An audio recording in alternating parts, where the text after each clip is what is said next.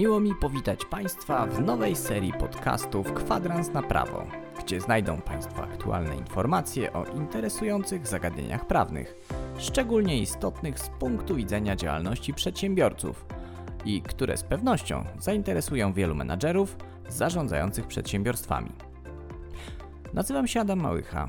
Jestem radcą prawnym i od kilkunastu lat pracuję z przedsiębiorcami polskimi i zagranicznymi.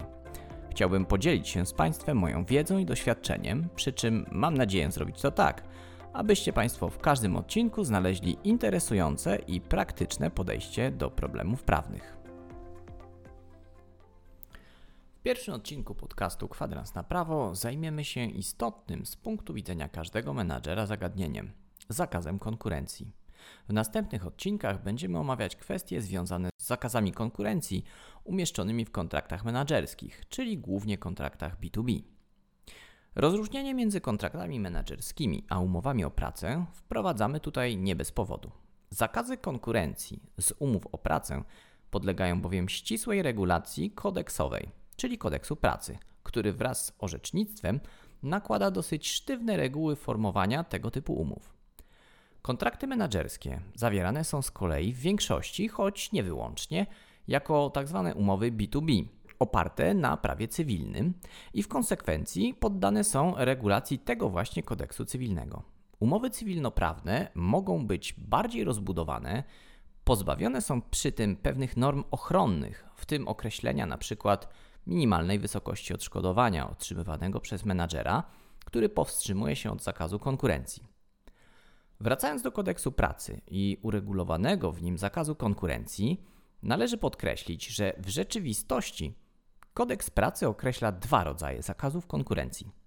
Możemy więc mówić o zakazie konkurencji w trakcie trwania stosunku pracy oraz o zakazie konkurencji po ustaniu umowy o pracę. W dalszej części odcinka skupimy się na kodeksowych regulacjach dotyczących zakazów konkurencji. Materia dotycząca zakazów konkurencji jest niezwykle obszerna, dlatego też w niektórym zagadnieniom poświęcimy zupełnie odrębne odcinki, w których rozwiniemy zawarte tutaj problemy. Rozróżnienie na umowę o zakazie konkurencji w trakcie trwania stosunku pracy oraz po rozwiązaniu umowy o pracę ma bardzo duże znaczenie praktyczne. Głównie ze względu na zakres praw i obowiązków, jakie mogą być uregulowane w tych dwóch rodzajach umów. Przykładowo, w umowie o zakazie konkurencji po rozwiązaniu umowy o pracę możemy zastrzegać kary umowne. Natomiast przestrzeganie postanowień takiej umowy i rzeczywiste powstrzymywanie się od działalności konkurencyjnej przez byłego menadżera wiąże się z wymierną korzyścią, to jest odszkodowaniem, które pracodawca musi wypłacać menadżerowi, który rozwiązał umowę o pracę. W jednym z następnych odcinków zajmiemy się kwestią obliczania odszkodowania w zakazie konkurencji oraz konsekwencji niezastrzeżenia takiego odszkodowania w umowie. Ma to naprawdę niebagatelne znaczenie i często w praktyce dochodzi tutaj do sporów pomiędzy pracodawcą a byłym pracownikiem. W kolejnych odcinkach przyjrzymy się również bliżej pojęciu samej konkurencji i temu, co tak naprawdę można uważać za działalność konkurencyjną wobec pracodawcy. Ma to również bardzo istotne znaczenie, ponieważ na tym tle dochodzi do poważnych nieraz sporów.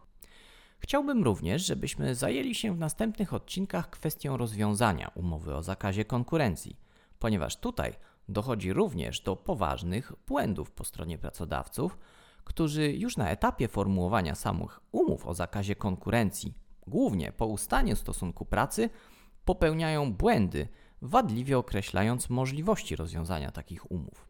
Problemem jest formułowanie klauzul dotyczących rozwiązania umowy o zakazie konkurencji po ustaniu stosunku pracy za wypowiedzeniem oraz nieświadomość pracodawców co do alternatywnych możliwości rozwiązania takiej umowy, w szczególności możliwości stosowania klauzuli umownego odstąpienia od umowy.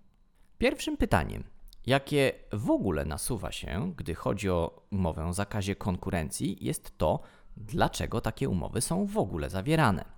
Pracodawcy starają się w maksymalny sposób chronić informacje, które stanowią o ich przewadze konkurencyjnej i do których dostęp mają z reguły pracownicy na wysokich stanowiskach menedżerskich. Zawarcie umowy o zakazie konkurencji w trakcie trwania stosunku pracy umożliwia kontrolowanie aktywności pracownika, który jest zatrudniony w przedsiębiorstwie.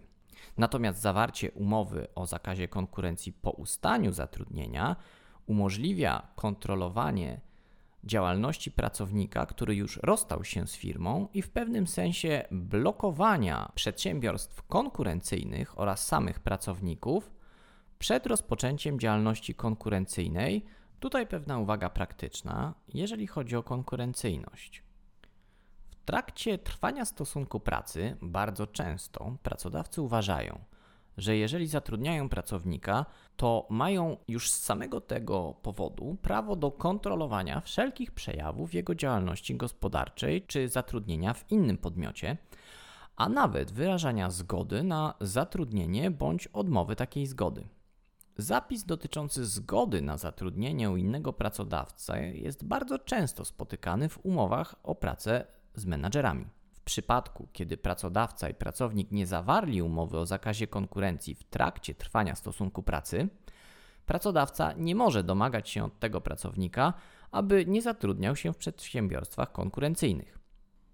Tutaj uwaga, należy rozróżnić prawo pracodawcy do wyrażania lub niewyrażania zgody na dodatkowe zatrudnienie od możliwości żądania od pracownika informacji na temat podejmowania dodatkowego zatrudnienia. Samo żądanie takiej informacji, w szczególności jeżeli zawieramy je jako postanowienie, dodatkową klauzulę do umowy o pracę, nie jest zakazane.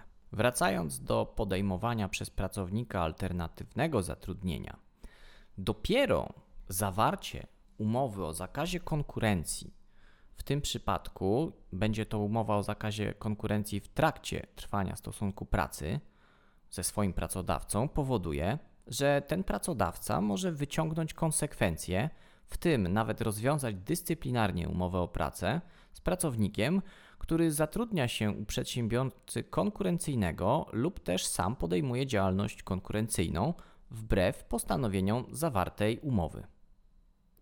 W przypadku umowy o zakazie konkurencji po rozwiązaniu umowy o pracę, motywacja pracodawcy do zawarcia takiej umowy z odchodzącym menadżerem jest nieco inna niż w porównaniu z umową o pracę w trakcie trwania zatrudnienia. Wiąże się ona głównie z tym, że pracodawca, pragnąc utrzymać przewagę konkurencyjną na rynku, chce uniemożliwić odchodzącemu pracownikowi wsparcie swoją wiedzą i doświadczeniem firmy konkurencyjnej. Jest to szczególnie istotne w branżach, w których działa niewiele podmiotów, które stale konkurują ze sobą na wąskim rynku. Wiedza taka, wykorzystana w sposób nieuczciwy przez innego pracodawcę, powoduje, że uzyskuje on znaczną przewagę konkurencyjną na rynku. Może być to wiedza na temat struktury cenowej, może być to wiedza na temat źródeł zakupowych, sposób naliczania marży, może być to wręcz wiedza techniczna, którą dysponuje dany menadżer. Z tego względu nierzadko nawet za cenę płacenia odchodzącemu menadżerowi odszkodowania za powstrzymywanie się od działalności konkurencyjnej, pracodawca uzyskuje gwarancję, że wiedza menadżera, który nierzadko pracuje w strukturach pracodawcy od kilku czy kilkunastu lat, który odchodzi i może potencjalnie odejść do przedsiębiorcy konkurencyjnego, nie zostanie wykorzystana przeciwko niemu. W jednym z kolejnych odcinków zajmiemy się również niezmiernie ważną kwestią, jaką jest rozróżnienie pomiędzy działalnością konkurencyjną menadżera, a jego wiedzą i doświadczeniem, jakie zdobył w trakcie pracy u swojego pracodawcy. Bardzo często dochodzi tutaj do nieporozumień i pomieszania tych dwóch pojęć. Pracodawcy uważają wręcz, że wiedza, doświadczenie, kontakty, które zdobył menadżer w trakcie zatrudnienia u nich, pozostają ich wyłączną własnością. Prawda jest inna. Uzasadnieniem do zawarcia umowy o zakazie konkurencji po ustaniu stosunku pracy jest dostęp do szczególnie ważnej informacji, które posiada menadżer zatrudniony u danego pracodawcy. Te szczególne ważne informacje, mające nierzadko charakter tajemnicy przedsiębiorstwa, podlegają ochronie.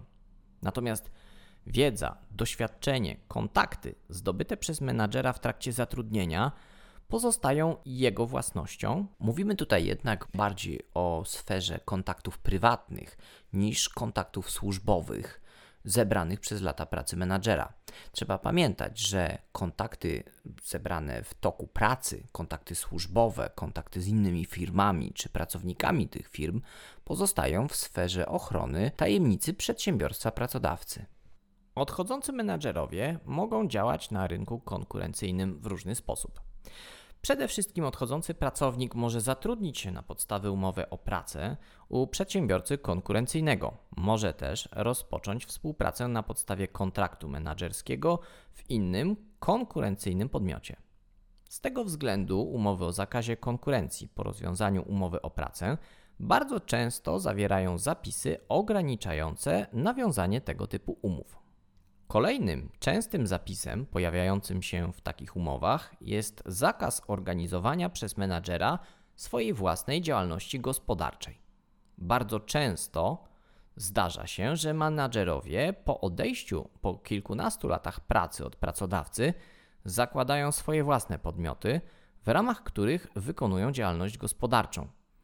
I mówimy tutaj o podmiotach konkurencyjnych, oczywiście, nie jakiejkolwiek działalności. Obecnie prawo daje szerokie spektrum możliwości wykonywania działalności gospodarczej. Może być to jednoosobowa działalność gospodarcza, mogą być to spółki prawa handlowego, kapitałowe, tak jak na przykład spółka z ograniczoną odpowiedzialnością, lub też spółki osobowe. Mogą być to również spółki cywilne, oczywiście. Z tego względu bardzo często w umowach o zakazie konkurencji po ustaniu stosunku pracy Zawarte są zapisy dotyczące ograniczania odchodzącemu pracownikowi możliwości posiadania udziałów bądź też akcji w spółkach handlowych mających charakter konkurencyjny. Najistotniejszym pojęciem z punktu widzenia umowy o zakazie konkurencji jest właśnie pojęcie działalności konkurencyjnej oraz określenie jej zakresu. Pojęcie to jest bardzo często mylnie interpretowane, a działalność konkurencyjna określana w umowach o zakazie konkurencji jest określana niewłaściwie. Jednym z najczęstszych błędów popełnianych przez pracodawców jest zbyt szerokie określenie działalności konkurencyjnej, która nie może być wykonywana przez byłego menadżera. Praktyczne zasady formułowania zakazu konkurencji będziemy omawiać w następnych odcinkach naszego podcastu. Bardzo często można spotkać postanowienia umowne określające zakres zakazu konkurencji, które odwołują się do dokumentów rejestrowych, w tym kodów PKD danego przedsiębiorcy. Praktyka ta jednak była wielokrotnie podważana przez orzecznictwo sądów. Trzeba tutaj przypomnieć, że do roku 2014 nie istniał limit określania kodów PKD, które spółki mogły wykazywać w rejestrze sądowym. Prowadziło to w zakresie zakazów konkurencji do kuriozalnych jednak sytuacji, w których spółka działająca na przykład w sektorze produkcji części samochodowych miała wśród kodów PKD wpisaną na przykład działalność związaną z produkcją zapałek. Przy czym oczywiście działalność taka nie pozostawała nigdy nawet w sferze najdalszego planowania. Obecnie przedsiębiorca, który jest spółką podlegającą wpisowi do Krajowego Rejestru Sądowego, może wykazać w rejestrze nie więcej niż 10 pozycji, w tym jedną pozycję wiodącą. Przykładem niepoprawnego wykorzystywania kodów PKD może być sytuacja przedsiębiorcy, który zatrudnia programistów i zawiera z nimi umowy o zakazie konkurencji po ustania stosunku pracy, zabraniając im w tych umowach działalności na rynku programistycznym, to jest zatrudniania się w innych przedsiębiorcach, które wytwarzają oprogramowanie komputerowe. Problemem jest to, że zakres działania firm programistycznych i wytwarzanych przez nie produktów jest niezwykle szeroki. Mogą być to przedsiębiorstwa produkujące oprogramowanie bankowe, gry komputerowe, oprogramowanie przeznaczone do nawigacji w branży samochodowej czy firmy programistyczne zajmujące się tworzeniem programów dla biznesu, np. systemu ERP. Jednakowe potraktowanie wszystkich będzie tutaj niewłaściwe, Każdorazowo bowiem musimy badać rzeczywisty przedmiot działalności pracodawcy oraz rynek, na którym działa. Wskazuje się, że konkurencja jest to rywalizacja uczestników rynku, przy czym istotne jest, aby potencjalni odbiorcy usług oraz towarów znajdowali się na tym samym rynku. Trafnie zostało to ujęte w wyroku Sądu Najwyższego z 22 listopada 2012 roku, którym zajął się on oceną konkurencyjnego charakteru zatrudnienia menadżera, który odszedł od swojego poprzedniego pracodawcy. Przy czym zarówno poprzedni, jak i nowy pracodawca były to spółki sektora energetycznego. Sąd Najwyższy doszedł do wniosku, że ocena konkurencyjnego charakteru nowego zatrudnienia w innej firmie, funkcjonującej również, tak jak poprzedni pracodawca w branży energetycznej, nie może ograniczać się do prostego porównania przedmiotów ich działalności które określone zostały w ich dokumentach rejestrowych. Wymaga się tutaj przede wszystkim porównania działalności przedsiębiorców pod kątem terytorium, na którym znajduje się ich docelowy rynek odbiorców, a także pod kątem kręgu tych odbiorców. Jak widać więc, zakres działalności konkurencyjnej nie może być oceniony w sposób abstrakcyjny. Ocena ta musi być dokonana w sposób realny i w odniesieniu do konkretnych przedsiębiorców, ich produktu i rynków, na których działają. Mam nadzieję, że przedmiot naszego dzisiejszego odcinka spodobał się Państwu i będziemy regularnie spotykać się w następnych odcinkach podcastu Kwadrans na Prawo.